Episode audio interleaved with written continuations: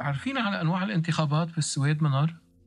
بالسويد في أربع أنواع للانتخابات انتخابات مجلس إدارة البلدية ال kommun وانتخابات مجلس إدارة الإقليم أو ال region انتخابات البرلمان ال riksdags وانتخابات البرلمان الأوروبي اللي هي ال europeiska parlament إمتى بتصير هالانتخابات؟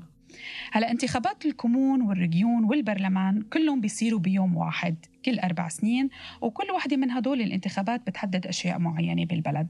أما انتخابات البرلمان الأوروبي بتصير كل خمس سنوات.